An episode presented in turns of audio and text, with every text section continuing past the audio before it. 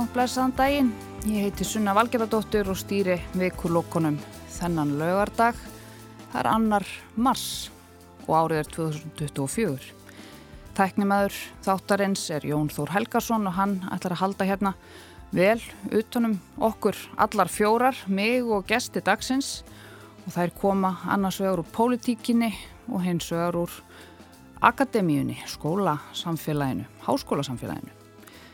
Við ætlum að rýna í svona kannski aðalega tvö mjög stór mál sem skipt okkur máli þó á ólíkan hátt. Þessi stóru mál eru stríð sem geisa í heiminum og svo mentun barnan okkar.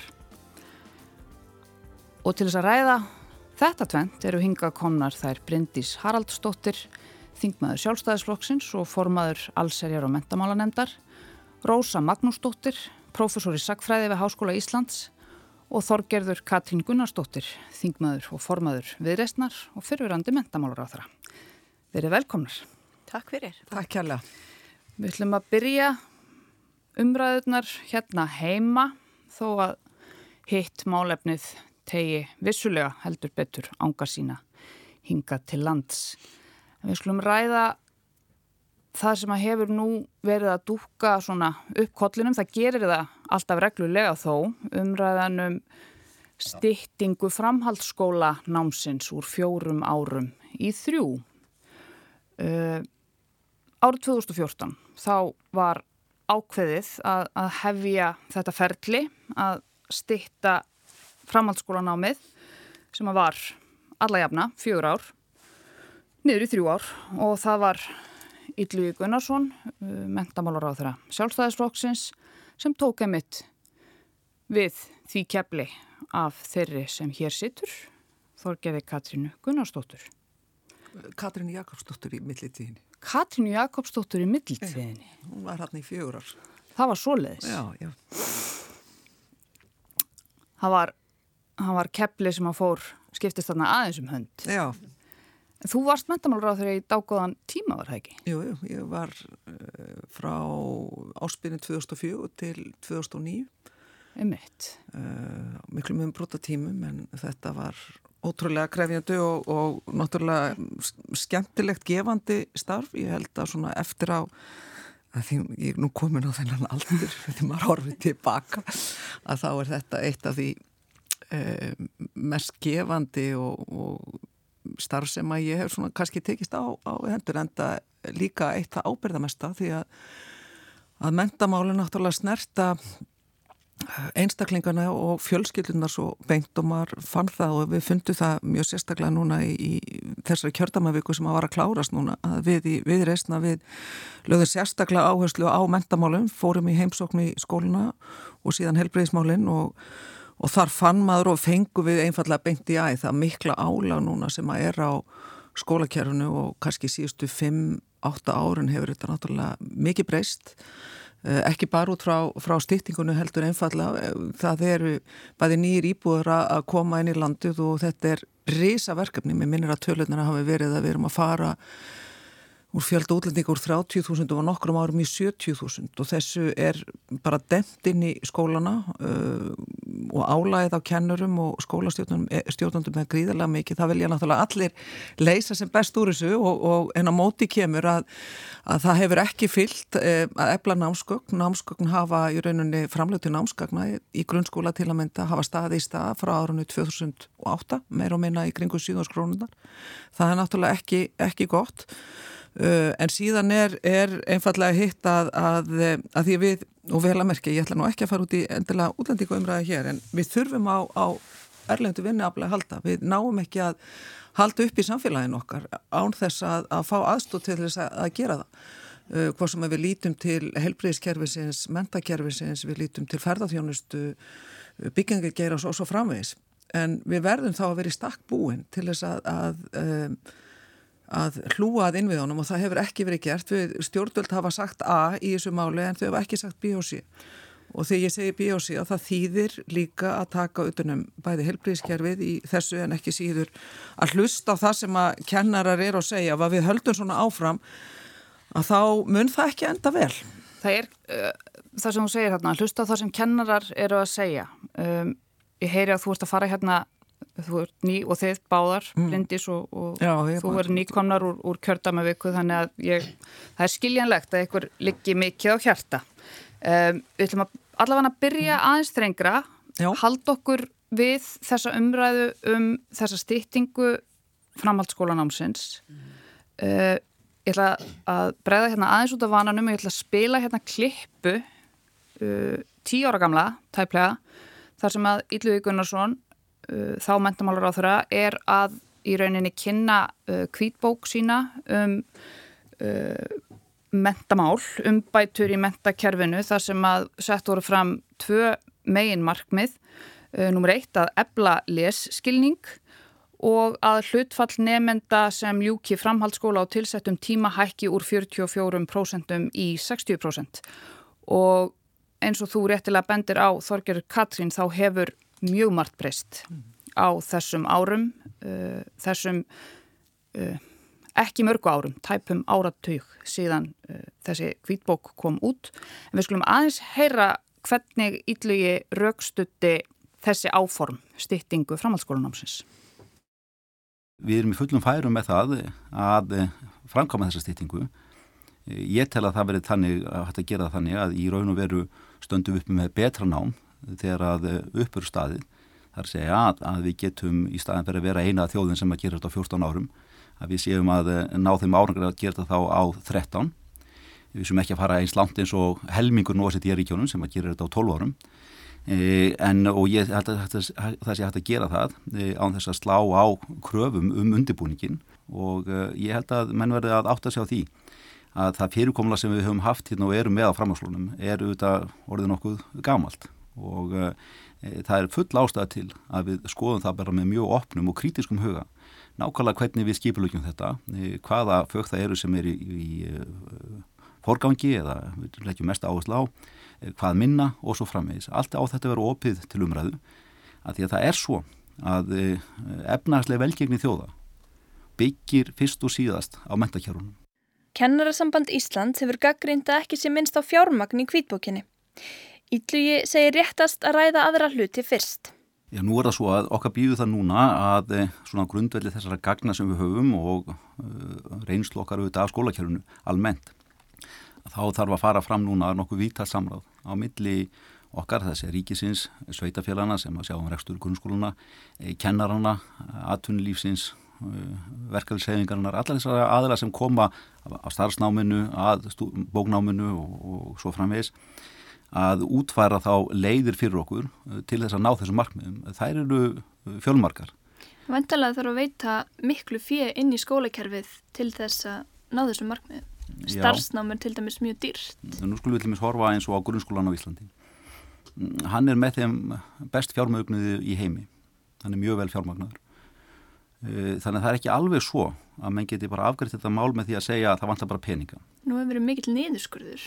Ég, nú, er, nú, er að vísa, nú er ég að vísa allir með sík grunnskólan íslenska.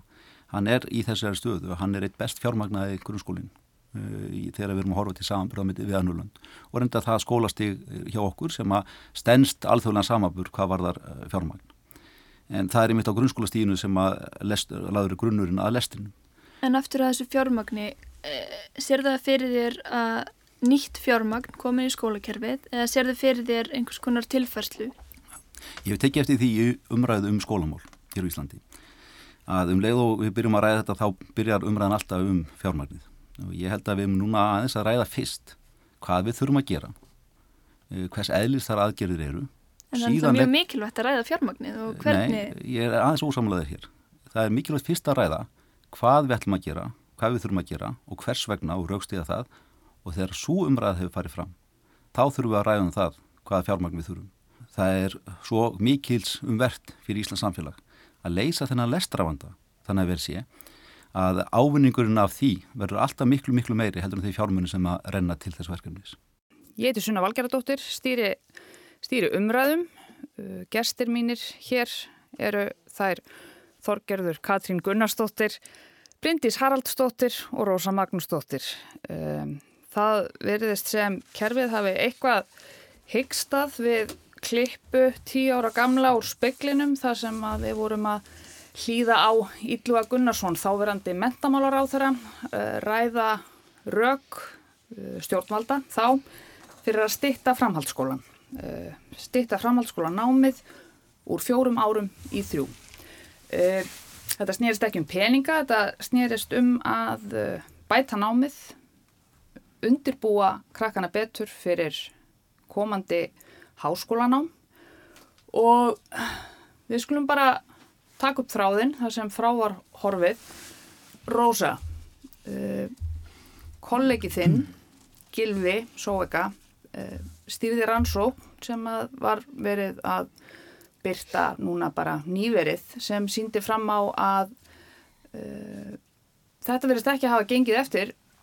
Þetta unga fólk verðist síðan svo vera betur undirbúið undir háskólanám uh, eftir þessa stýttingu þú Þú mhm. hefur skoðanir á, á þessu.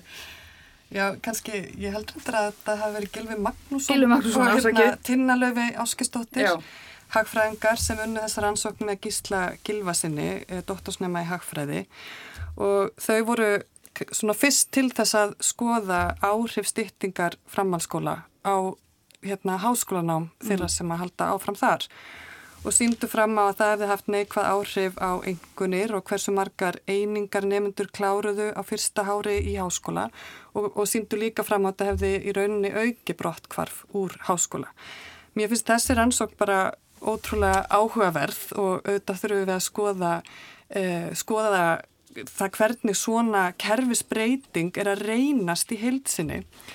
En ég hef þess að vera að benda á það og það, þetta er svona þessu tengt, tengt, tengt svona stórum kerfisbreytingum að það sem að ég bjó áður í Danmörku, ég hérna, bjó í Árósum í Danmörku og átti þar þrjú börn eh, í leikskóla og grunnskóla og tók bara strax eftir því og kannski fór að benda á það þegar að hér komu fram frekar sláandi niðurstöður um hérna, til dæmis písaransók og ég hjó eftir því að Ídlugi var að nefna til dæmis leskilning mm. barna og unlinga sem að væri mjög mm. mikilvægur hérna, mikilvægt að taka á en, og ég fór bara að reikna saman og á Íslandi er grunnskóla grunnskóla ár, skóladagar grunnskóla nema á Íslandi eru 180 mm -hmm. og þaraf eru 5 starfstæðar kennara á starfstíma nefnda. Þannig að í raun eru skóladagarnir 175 en í árásum það sem ég bjó eru skóladagar í grunnskóla 200 á ári og ekki neitt til hvorki leikskóla nýja grunnskóla sem heitir starfstæðar kennara á skólatíma nefnda. Þannig að á tíu ára grunnskólagöngu eru börn á Íslandi 200 færri dögum í skóla á þessum tíu árum, í raun 250 dögum ef að starfstæðar kennara eru taldi með, sem er tölvert meira en eitt danst skóla ár og þar alveg meira, tölvert mikið meira en eitt íslenskt skóla ár. Og ef við skoðum þess að samfeldu 13 ára skólagöngu, þegar núna er verið að hugsa um til dæmis, eh, þegar við erum að horfa á grunnskóla og framhaldsskóla saman, Þá kýtti ég bara skóladagatal eins framhalskóla í Árosum og annars Reykjavík. Þetta voru mjög sambarlegir svona bóknámsskólar og þarna sá ég að skóladagarnir er um 212 í Danmörku og um 180 á Íslandi. Þannig að þryggjára framhalskóla á Íslandi er þrísva sennum 32 kennsludögum stittri en í Danmörku sem er 96 dagar eða meira en hálft íslenskt framhalskóla ár. Þannig að mér finnst bara rétt að horfa til þess þegar við erum að hugsa um stittingu á námstíma, það er alltaf læg að horfa til 13 ára hérna, námsferils en þá þurfum við bara að hafa það í huga að íslensk ungmenni eða börn á Íslandi hafa fengið 296 færri kennsludaga á sínum námsferli heldur en börn í nákvæmlega og kannski síðasti punkturinn í þessu tengist auðvitað því að sko þar sem ég var í Danmörku að þá ráku kennarar upp harmakvein á hverju hausti eða í ágúst þegar skólar byrjuði aftur því að leskilningi batna hafi farið svo aftur í 5-6 vikna lungu sumafrí batna far. Þannig að segis alveg sjálft að tveggja hálsmánaðar sumafrí á Íslandi eru að hafa eh, jafnvel, en meiri afleðingar á leskilning batna. Þannig að ég hef svona verið að benda á það að mér finnst vanta að nákvæmlega breytu inn í mm. þessar, þessar kerfisbreytingu sem var hugsuð hér á Íslandi. Mm. Þannig að þú ert kannski ekki uh, að hoppa hæðina í loft upp yfir, yfir þessum vangaveltum núverandi þeirra ásmundar einar staðasunar uh, sem sagði í gerðmorgun að uh, núna væri til skoðunar að bara sagt, lengja framhaldsskólan aftur úr þremur í, í fjögur og stitta á móti þá grunnskóla. Já, já ef að það verður tekið heilt ára á grunnskóla þá eru grunnskólanemndur á Íslandi 380 færri dögum í skóla heldur en jafnaldra þeirra í, í Danmarku og þessum nákvæmlöndum sem við erum að, að bera okkur saman við. Þannig að ég, ég, ég er ekki sérfræðingur á því að tala í raun, rauninni sem þess að móði með reynslu af skólakerfum hérna í Danmarku og núna á Íslandi en mér finnst alveg líka að það væri áhugavert að sjá hvernig sérfræðinga myndu fara að mæla aðra þætti eins og til dæmis þessa skelvilegu vanlíðan sem að íslensk ungmenni eru að lýsa í Í, og, og, og, og tengist að ykkur leiti uh, skólakerfinu, það er svo stór þáttur bara í lífi ungmenna, það hlýtur ekkert með einu vera.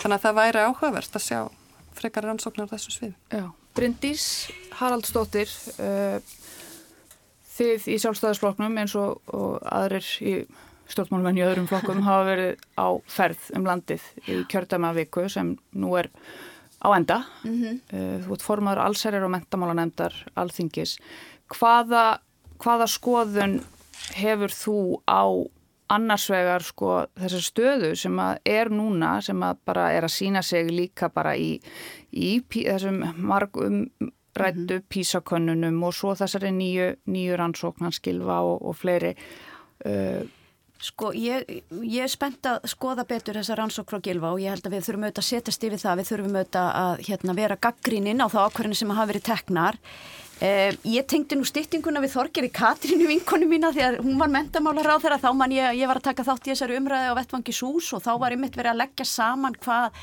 grunnskólinn hafði í rauninni lengst við stittunsumafríði sko, einu sinni voru við bara að hugsa að börni væri tilbúin fyrir söðburðin og svona sko, þannig að það eru þetta breyting frá því sem var í grunnskólanum. Um, og þá eru náttúrulega þessi helstur rauk sem ítlu ég fór hérna ákveðlega yfir að af hverju ættu íslensk börn í rauninni að þurfa tvísasunum eða tvö ár aukarlega e, til að klára stúdenspróf með við svona meðaltalið og OECD. En ég meina það þarf að setjast yfir þetta en ég er aftur á móti á því að fókusin okkar þurfi núna að liggja á grunnskólunum og hugmyndafræðin á baku styttingu sko hérna námst í stúdinspróf var auðvitað líka að með þessari auknum dagafjölda sem þá var búin að verða í grunnskólanum og þetta er áhugaverð sem Rósir að benda á og við þurfum kannski að skoða frekar hvort að það þurfi jafnvel að auka þar frekar dagana. En þá var auðvitað hugmyndafræðin að, að með þessum aukna dagafjölda grunnskóla á Íslandi ætti að nást að fara yfir meira námsefni þannig að það væri mögulega vera að færa eitthvað af því námsefni sem var kannski á fyrstu uh, árum framhaldsskólans sko niður í tíundabekk og, og, og, og svo viðri.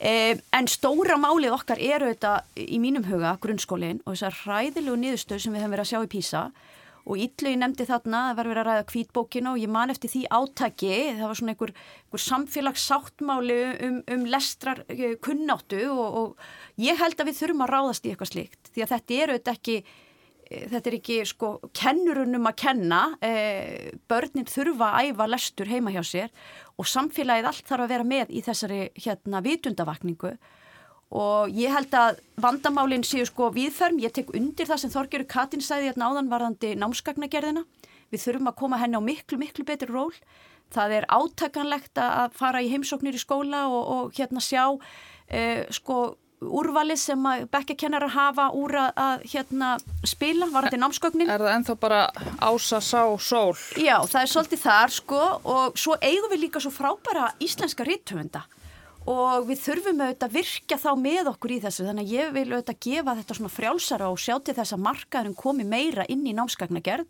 á meðan eh, við getum haft ofinbæra stopnun sem svona gæðavottar hlutina með einhverjum hætti. En ég held þetta sé sko markþægt ég hérna við áttum góðan fund eh, um eitt um skólamál núni í vikunni og ég var á svona borði þar sem voru til að mynda kennara nemar. Og það stakk mér svolítið þar að þær sögðu sko, já ég veit bara að það sé auknar kröfur í þessu námi. Mm og uh, þær voru þarna í fullri vinnu en líka í fulli háskólanámi við að kenna. Og staðan væri, ég bara átt, hafði ekki átt að með að það væru margir í þeirri stöð að læra til kennara en væru samt að vinna við bekkjakenslu og það væru rauninni bara svolítið metið sem hluta náminu. Og mér það, finnst það eitthvað sem við vorum að horfa til að það eiga að vera miklar kröfur inn í kennaranna náminu og ég myndi halda að það að læra að verða kennari ætti að vera full vinna og það sé erfitt að sinna fullri vinnu með því Þannig ég held að við þurfum að horfa á mjög marga þætti, við þurfum að horfa á kennaranámið, við þurfum að horfa á námsgögnin, við þurfum að fara í einhvern samfélagsáttmála um lestur og að fjölskyldurna komi að auknu leiti inn í þetta. En svo tekið líka undir það sem Þorgjöru Katin sagði hérna áðan að það er óbúslega mikið breyting sem hefur átt sér stað í samfélagin okkar. Það eru bæði samfélagsmiðlar og, og tæknubreitingar mm. en líka þessi mikli fjöldi innflytjanda. Og við þurfum að vera með uh, tæki og tól og kunnáttu uh, sem er í bóði fyrir skólana til að takast á við þessar áskoranir. En erum við uh, og, og mentakerfið, er, erum við að aðlaga okkur nægilega mikið bara að stöðunni sem að er, erum er við að, að horfast í augu nægilega vel við stöðuna bara eins og hún er. Staðan er þannig að, að hér uh, í mörgum skólum, kannski sérstaklega á höfuborgarsvæðinu, Uh, eru kannski 20 krakkar í einum árgangi sem tala sikkort, sem eru með sikkort móðumálið eins og uh, við heyrðum í, í fréttum um daginn. Þú veist, erum við erum við kannski að reyna að, að íta öllum þessum ólíku sviðum og ólíku hópum inn í eitthvað form sem við þekkjum en sem bara virkar ekki? Ég held að við höfum verið með ágætisplan þegar, við, sko, þegar skólatni voru að taka móti einu og einu barni af erlendum uppruna. Og það voru kannski komnar við á svona áætlanir, ok, hvernig gerum við það? En þegar staðan er orðin, svona eins og þú lýsir og maður heyrir þegar maður er að tala við kennara, þeir eru algjörlega bugaðir. Því það, er ekki, það eru allar þessar sko greiningar og öll svona vandamálin, augranna sem eru komnan í bekkin og svo bætist ofan á tungumála leysið Um, ég hef verið á því reyndar að við þurfum að vera með einhvers konar móttökuskóla þar sem börn af erlendum uppruna koma inn fyrst og fá svona ákveðna eh, svona stöðugreiningu og, og hérna þjálfun áður en þeir fara inn í hefðbundin eh, bekkjaskóla í sínu hverfi. En ég meina það er alveg augljóst að í þessu málaflokki þá þurfum við að grýpa til rótækara aðgerða því að staðan eins og hún er í dag er alls ekki góð og mér langar að bæta einu við e, því að ég var nú að ræða þetta í þinginum daginn, sko eina jákvæða í Písa var það að börnunum okkar leiði vel og við vorum ána með það og það er auðvitað rosalega gott og þeim finnst þau tilheyra samfélaginu sínu, það er minna um eineltisupplifun og þess áttar. Þegar við horfum á það, hvernig, þegar því að broti niður á e, börnin eftir því hvort þau séu innflytjandur eða íslensku börnin, við leiðum mér orðað þannig, þá er alveg hrópandi kall þarna. Það er að segja börnum af erlendum uppruna í íslenska skólakirnu líður mjög illa, þeir líður að meðaltali mun verð heldur en innflytjandum á hinu Norðurlandunum. Og þarna auðvitað ef við grípum ekki til eh, sko einhverja mikill að úrraða hvað þetta var þar, þá erum við komin þarna með bara mjög stóran hóp sem er bara ekki að finna sig og tilherir, finnst það ekki tilhera skólasamfélaginu. Þannig að þetta er brítn vandi og þetta leggst ofan á það að við þurfum bara að bæta almenna náms árangur íslenskra batna. Þannig að ákallið í skólunum um, og á því sviði er óbúslega mikið. Þorgjörður Katrín. Já, það er ekki spurning að, að álæða skólana, skólana er gríðarlega mikið og ef að við, og það hefur í raunin ekki verið fórista síðustu ára mínum mati þegar kemur að mentakerunu og að horfast í augu við þennan veruleika sem að við blasir öllu skólasamfélaginu því að, að það sem að, ég ætla ekki kannski að segja sinnilegis en svona næsti bær við að það sem að þetta leiðir til er náttúrulega ákveðin stjætskipting sem að er að myndast. Og það er stór hættulegt, það er eitthvað sem að er ekki hefur ekki verið eðlislegt í íslensku samfélagi að mínum mati í, í svona stóru myndinni. Þannig að það eru sko þetta er, þetta er mikil ábyrg sem að við sem erum í stjórnmálum verður núna að takast á við og eins og ég segi veruleika tengja okkur. Aðeins eh, varðandi einmitt písa En sko hvernig? Hvernig er hægt að... að Já, ég, ég, ef að við eigum að til dæmis varðandi börnin af, af erlendum uppruna, að það, við erum ekki fyrsta þjóðan sem fyrir gegnum þetta. Danir hafa til að mynda gert þetta með, með ákveðinni góðri fyrirmynd, beint krökkunum í sérstaklega dönsku kjenslu, af því það vita það allir að, að íslenskan er líkillin á öllu öðru í okkar samfélagi. Við erum búin að tala um þetta í ára raðir en það gerist, gerist lítið. Þannig að, að ég tel og ég fengi líka ábendinga frá, frá kennurum hvað sem að það er í Kópavogi og vel að merkja að þetta er ekki sunna bara bundi við höfuborgarsvæði. Við erum búin að vera að fara á söðunissin. Það er álæðið á skólakerfi líka gríðarlega mikið.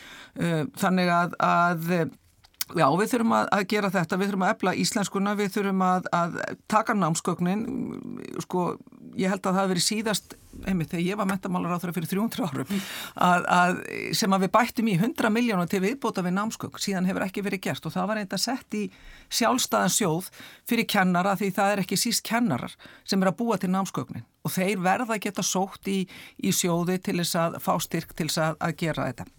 Síðan þurfum við að skoða ytramatið, við vorum að fara inn í, inn í skóla sem eru á grunnskólastíði sem eru með 30 til 32 nefndur í bekk og það sjá það allir að það gengur ekki. Við verðum að fara að horfast í augviða að hópastærðir í bekkjum í grunnskóla, þar eru orðnar allt og allt og mikla og þar bytna á gæði náms og þar bytna því að, að því við megum ekki gleyma því heldur að grunnskólan er jöfnunatæki fyrir Íslands samfélag og við erum að, að breyta því eitthvað allt annað tæki heldur en að raunverulega er eða á að vera. Aðeins var þetta stýttinguna uh, af því það er alveg rétt sem að, að Bryndi saði, ég kom inn í ákveði verkefni sem að var hafið og við breyttum síðan skólalögjöfni fyrsta sinn sem að var samþýtt heilstað skólalögjöf 2008 leikurinn og framháskóli auka samfelluna, það var farið í kennaranámi sérstaklega, Háskóli Íslands og kennaraháskóli var samanæði til að styrkja enn betur undirstöðunar undir kennaranám, þannig að þetta var svona ákveðin heilstað nálgun. En síðan er það auðvitað framkvæmdinn og framkvæmdinn sínist mér að hún er ekki að takast sem skildi því ég er nú vera með þér en ég vil undistrykka það, ég er eindreið þeirra skoðunar að íslensk ungmenni þurfa ekki lengri tíma til stúdisprós og ég er líka búin að fletta upp í sjálfum mér varandi tölur mm. um, Íslensk ungmenni fyrir stýttingu að vera að tala um 14 ár, við skulum tala um stundir það voru tæplega 11.000 stundir sem íslensk uh, ungmenni nota uh, þurfa til stúdisprós eða þurftu Danir, ef þið fóru lengstu leðina, það er aðeins breytilegt danska kjærfið, þá er það ríflega 10.000 stundir. Eh, Svíjar, normenn og danir, eh, já, svíjar, normenn og, og finnar voru að nota frá 8.000 til 9.000 stundir. Þannig að, að það, þannig verulegu munur á og það þarf engin að segja mér að við getum ekki nýtt tíman betur. Já, það var verulega veld fyrir sér líka á sínum tíma hvort það ætti að styrta grunnskólan og það er eitthvað sem ég held að við hljótum að horfa núna til hvernig við getum nýtt tíma betur í grunnskólanum. En það ég man, svo ég haldi áfram að fletti byrja sjálfum mér, að það voru tvær ástæður, uh, svona sem að vóðu þings, það sem að farið einfallega í það ákverju fyrir við ekki að styrta grunnskólan. Það er mjög eðlileg spurning. Og það var annars vegar að landsbyðarvingillin kom mjög sterkur inn í að þar sem að var, við fórum að það var sagt að við erum að missa börnun okkar 16 ára úr okkar samfélagi á heimavist, einhvers staðar í burtu. Það er mikil breyting á samfélaginu. Við viljum ekki missa við 15 ára.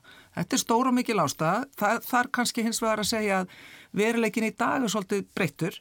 Og síðan er hitt sem að var ekki síður mikilvægt að samfelt frá árunnu 1990 þegar Íslendingar eða Íslensk börn í grunnskóla voru með mestu neyslu áfengis og vímuefna innan OCD yfir í það að fara með í minnstu vímuefna neyslu, áfengis og vímuefna neyslu uh, á nokkrum árum að þá er samt enga síðan mikill munur á því þegar þú líku grunnskóla og ferði verið í framhálskóla þá eikst neyslan strax um 30% Uh, sagt, við 16 ára aldurinn og þá var sagt ef við erum að færa grunnskólan eða sagt, neðar þá mun neistlan byrja líka fyrr. Þannig að mm. þetta voru kannski bara til þess að bregða eins mynda á það af hverju var þessi leið var farin.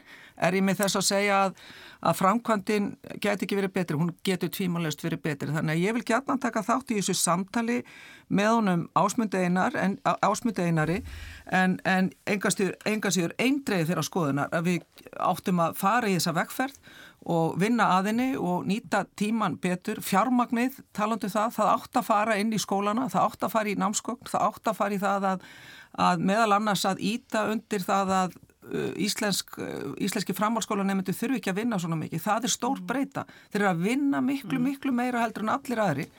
Uh, námskogn eru hér líka ekki ókipis eins og er í til að mynda Danmörku. Það er spurningu jöfnu til náms og þar var líka hugsununum það að að setja það fjármaks sem sparaðis með styrtingu inn í það að þjónusta skólana uh, og þjónusta nefnendur og, og, og kennara. En það hefur ekki gengið eftir?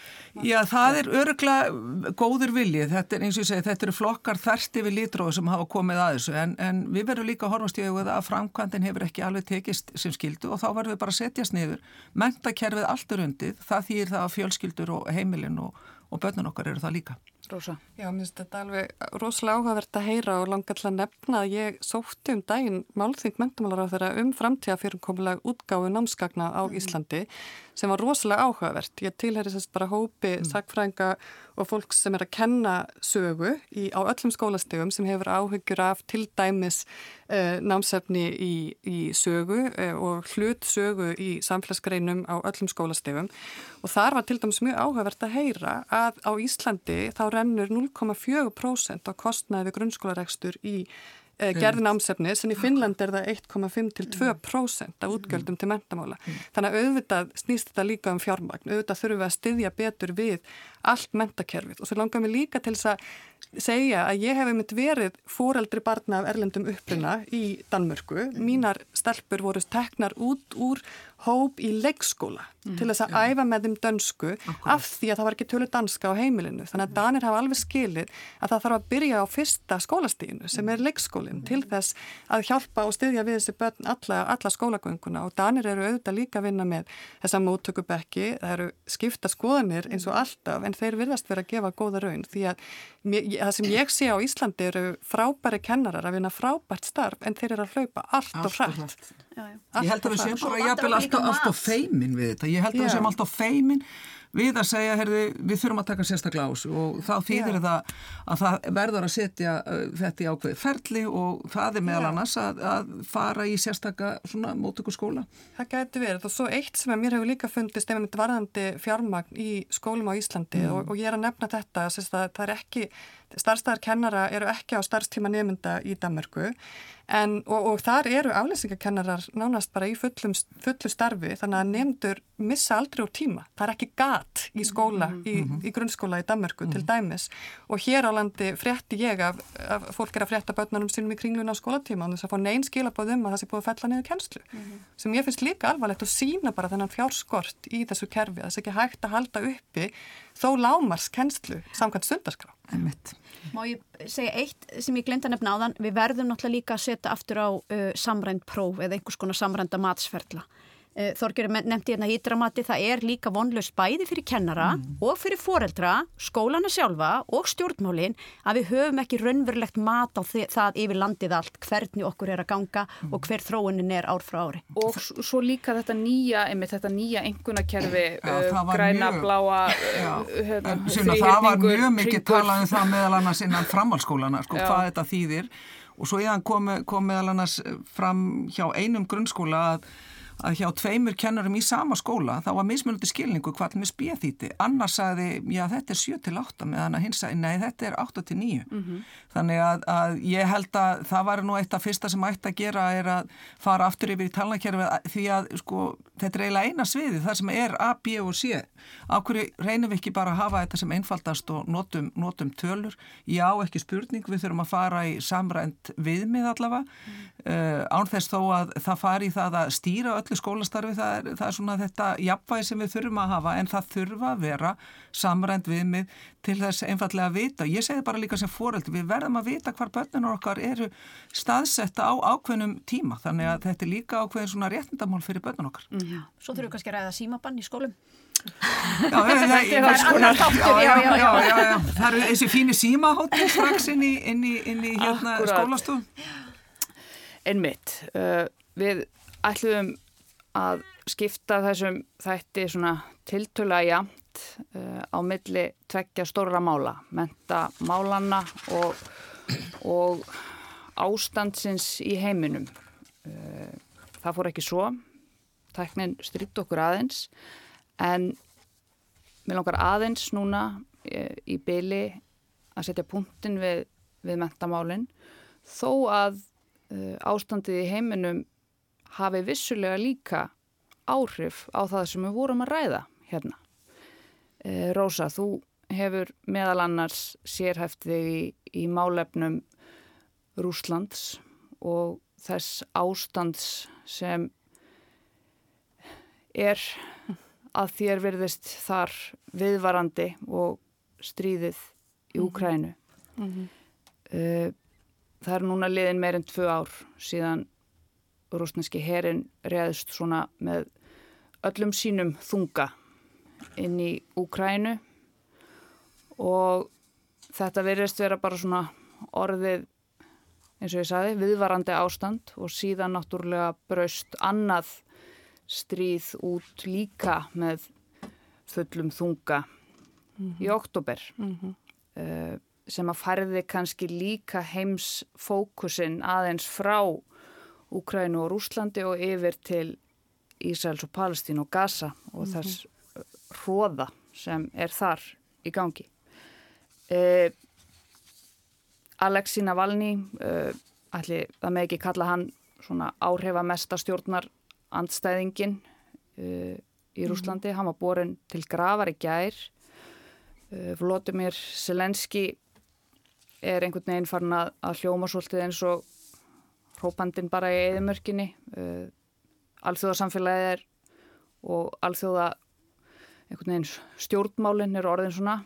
Kannski er svo litið þreytt, þetta er ekki farið að, að það er ekki farið að vera jafn sjálfsagt og áður að veita Úkrænu uh, hernaðaraðstóð mm -hmm hvað erum við að fara að horfa fram á á næstu mánuðum og árum þarna Rúslandi og Ukrænu Stórt er spurt. Já, stórt er spurt og, og sagfræðingurinn er spurður um, um framtíðina sem er ekki alltaf okkar sterkasta hlið.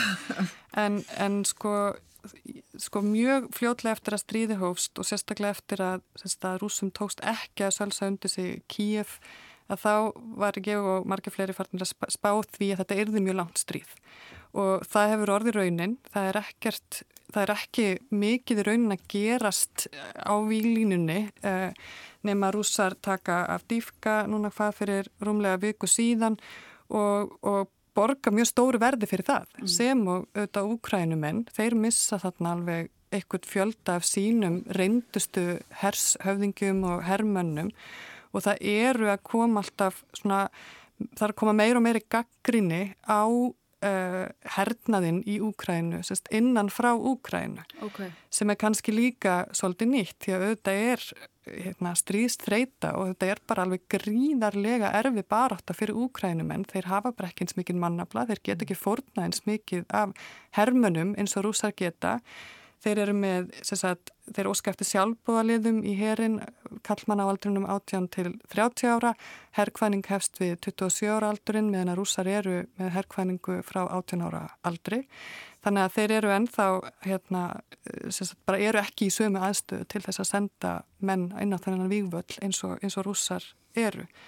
Að, og, og, og svo eins og þú segir réttilega, það veldur alveg gríðarlega mikið núna á því sem er að gerast í hinnum vestrana heimi allir með öndin í hálsunum yfir því hvernig forstakostningar í bandarækjunum mm. fara mm. og við vitum alveg hvernig Putin vil sjá þær fara hvers konar stuðning eh, hann myndi vilja sjá þannig að, þannig að þetta lítur ekki mjög vel út fyrir úkrænumenn meðan að vesturlönd geta ekki í rauninni saminast um eitthvað mjög afgerandi stuðning við úkrænumenn og, og sá stuðningur sem þó er búið að lofa að honum er líka senka þess að hérna, herrgögn sem að búið er að lofa frá uh, Vesturlandum, Danmörku, Tískalandi að, að framleysla þeirra er að tefjast og þeir eru ennþá býða eftir mjög mikilvægum gögn. Hversu mikil áhrif hefur stríðið á Gaza á stríðið í Úkræn?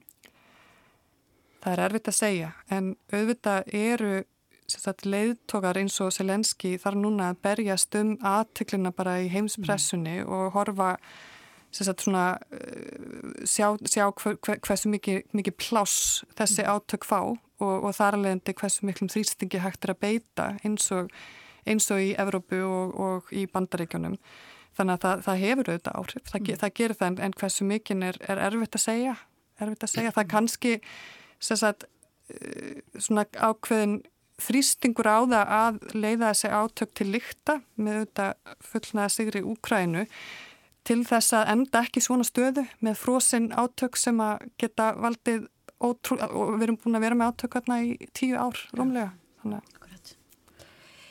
Já, ég bara ég held nefnilega að þetta sé að hafa opaslega mikil áhrif á stöðuna í Ukrænu þessi hryllingu sem hefur sér stað á Gaza. Og það er ekki langt síðan við í Norrlandaráði vorum hér með fund þar sem við vorum með fulltrúa frá Ukrænu og, og Rúslandi sem stjórnarandstæðingar eh, og, og hérna líka frá Kvítarúslandi og þar var einn ukrainsku fréttamaði búin að taka saman bara svona í heimspressuna. Þegar eitthvað sko hérna fór í heimspressuna sem tók aðeins sko augun okkar af því sem var að gerast í Ukraínu þá bara ringdu bombónum yfir Ukrænu frá Rúslands megin sko.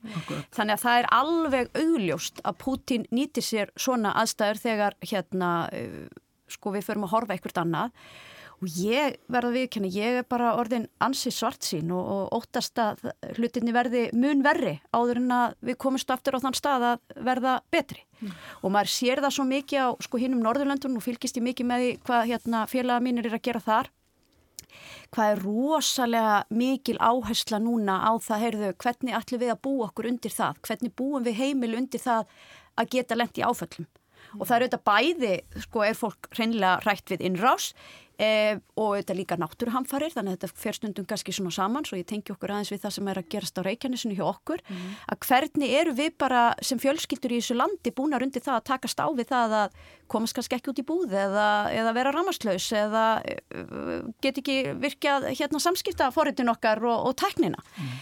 Um, og það, ég held að það sé alveg ljóst og svo sér maður núna einhverjar viðræður um, um frið á, á Gaza með Hamas og hvar funda þeir, uh, jú, í Moskvu veist, þú, það er alveg teiknast upp heimsmynd hérna þar sem að, að hérna, það er svolítið svona skýrt hverjir er í hvaða liði. Mm. Alveg, alveg hár rétt sko og ég hef líka verulega áhyggjur af því hvaða hlutverk uh, Íran er að spila inn í þetta allt saman. Við náttúrulega verum að sjá þessu óhæfu verk og stjórnun, bæði varanda líðræði, kvenréttind og svo framvegis en það sem ekki síður, ég er nýkomin heima á rástöfnu einmitt um Íran Uh, að það sem að þeir lýsa þetta er svona metropól terrorista þetta er, þetta er þjálfinabúði fyrir terrorista eins og Hamas og Hezbollah og, og, og Hútona uh, við sjáum síðan líka sem að er náttúrulega mínum að þetta er bara óbein árás líka á, á Vesturlanda því við segjum að stríði í Úkrænu að innrás rúsa í Úkrænu er Er, við erum að styðja Úkrænu meðal annars og fyrst og síðast út af því að við viljum standa með löndu sem að ítundu líðræði, eh, mannréttindi, frelsi eh, og ef að Úkræna fellur og þá vitum við alveg, við eigum að hlusta núna á Estrafsalsvíkin, við eigum að hlusta núna á Póland sem eru búin að í ára raði búin að segja varið ykkur á rúsum, varið ykkur á Putin og við á Vesturlandunum og jafnvel NATO og einhverju leiti líka hefur ekki verið að hlusta svona gömgefilega eftir þessu. Þannig að, að ég hef áhyggjur af þessu hvernig Íran er að verða svona svolítið óáreitt í þessari hinsmynd sem er að teknast upp. Þeir eru að láta mjög mikið að herrgögnum og drónum og fleira yfir til rúsa. Mm. Uh, síðan er hitt. Já, já, og síðan er hitt og það er líka sem að þarf bara að fara að gera, kom fréttið mitt hjá ykkur hérna á ríkisúttarpunni, við hefum að fara í það eindrið og Európussambandið er að skoða það núna, tekur allt á langan tíma, bæði hjá, hjá Bandaríkjónum og, og Európussambandinu, frista eigur rúsneska oligarka, notaði til að stiðja, þetta eru sko hundruðu miljardar, fara beintið að setja þetta til að stiðja Úkrænu, síðan er annað, við eigum líka að skoða mjög gömgefilega tilluga því þetta er eins og Bryndi segir, Ég, manni líður ekki vel í dag og við þurfum eitthvað meira drastist. Ég tel eindrið að við eigum uh, sem uh, fullgildi meðlimir að NATO að taka undir uh, hugmynd Annis Fór Rasmussen sem var frangværtastjóri NATO að segja, heyrðu, tökum bara Úkrænu strax sem að er frjálsenn inn í NATO, restin kemur síðan þar að segja herrnendu svæðin sem að, að rúsar hafa yfir, ekkert ósveipa á að gert með Vestu Þískaland á sínu tíma, Vestu Þískaland fór fyrst inn í NATO og svo bara kom Östu Þískaland að landið samanest. Þannig að við þurfum miklu ákveðnari skref, en svo þurfum við líka að hugað okkur hérna heima ekki bara hvernig við stöndum undir raforku öryggi og neti og svo framvegis og ég og viðreist, við erum búin að kalla eftir því að við tökum til endurskoðanir okkar varnir.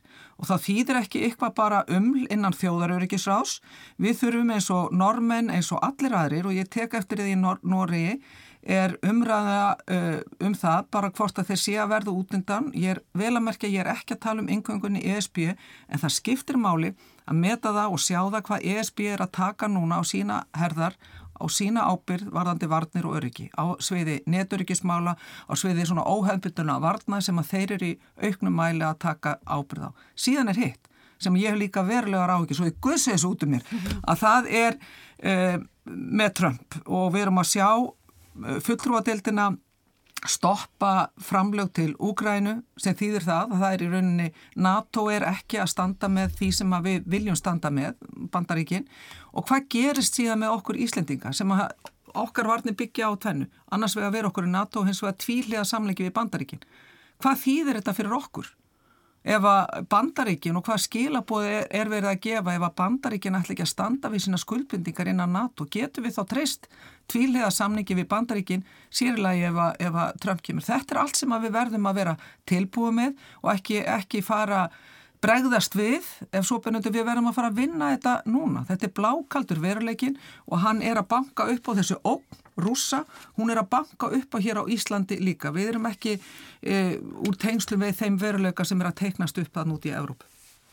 Já, mér finnst bara mjög gott að Þorkjörður Katrín nefnir þessa hérna, tilögu breyta um að frista eigur ólíkarka og nýta þær mm. til stuðningsúkrænu og það er kannski bara til þess að minnast á Navalny sem var brot borin til grafar í gæra, það var í rauninni hans áhersla mm að Akkurat. rauninni benda á þessa spillingu í Rúslandi, fá Ennett. almenning þar til þess að opna augun fyrir því sama hvar þeir stóðu mm. með að móti Pútín að það væri þetta efnagslega óréttlæti sem, sem að Pútín stæði fyrir. Þannig að það gæti mögulega haft einhver áhrif á almenning í Rúslandi að efnags ástandi myndi versta. Mm. Klárlega, en svo var ekki líka spurningum að tala kínverða að því að bakka rúsana upp sko, þá væri við vantilega, þá var þessu stríði líka lokið sko. Já, mögulega. En öryggi og varnir er ekki bara eitthvað hliðaverkefni fyrir okkur Íslendinga. Það er frum skilirði ríkisins er að tryggja öryggi borgarna mm -hmm. og við verðum alltaf að vera sívakandi yfir því hvað það skrifir rétt að taka og þá er ekki hægt að undarskilja eitt eða neitt í þeim margum.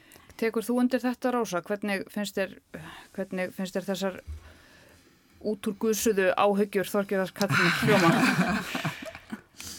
Kanski er þetta að segja. Ég hef líka tekið eftir þessari umræðum á Norðalundunum um hérna aukna áherslu á almannavarnir. Já og þá hort aftur í söguna og við kannski munum eftir símaskráni sem kend okkur hvað við ættum að gera mm -hmm. ef að, mm -hmm. að kæmi til einhverja árása ég, mm. en hérna, það er auðvitað að segja það er alveg rétt að, að það, við þurfum að hugsa um okkar varnir út frá því sem er að gerast í um stóra heimi. Akkurat. Er þetta raunhæfar áhyggjur Bryndís? Já, ég deili alveg þessum áhyggjum Þorgjara Katrinnar. Ég reyndar eh, deili því að ég treysti bandaríkjónum til að standa undir sínu skuldbindningum. Við erum auðvitað með þennan samning við bandaríkin um varnir og ég, ég treysti hún honum en það breytir samt ekki því að við þurfum að taka þessu umræð og við erum, höfum verið í allt og langan tíma e, bara svona svolítið kannski bláið hér uppa á þessar litlu fallegu eigi okkar hérna upp í Norður Allandshafi og það er svo mikið að gerast, eitt er sko þú veist, hernám rúsa í Úkrænu og svona innrás með stríð en ég menna það má velta fyrir sig hvort að finnar séu reyndar líka undir árás mm. frá rússum mm. núna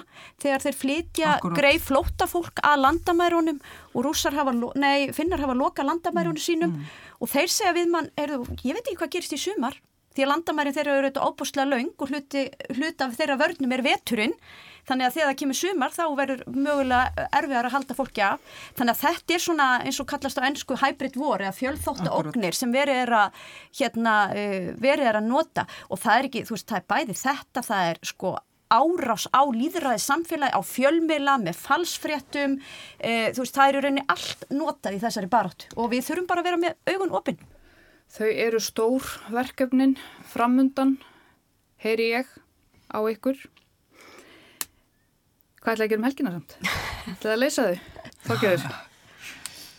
Já, ég vildi að það var hægt að leysa þau en það þarf allavega í svona stóru myndinni þá þarf að, að vinna þessi verkefni sem að bara haldi áfram þessari alvöru en ef að þú ert að tala um svona helgarverkefni fjölskyldinar að að hérna ég er eh, annars vegar að fara á F á stjarnan í handbóltanum og eftir og svo er ég að fara á saknaðar í, í leikus með vinkunum með mjög kvöld og ég get ekki beðið eftir að sjá það verka að, og ég hvet fólk til þess að fara í leikus það eru stórkosli verk viða í leikusum og, og njóta já, íslensk verk sem, sem Erlend. Mm -hmm.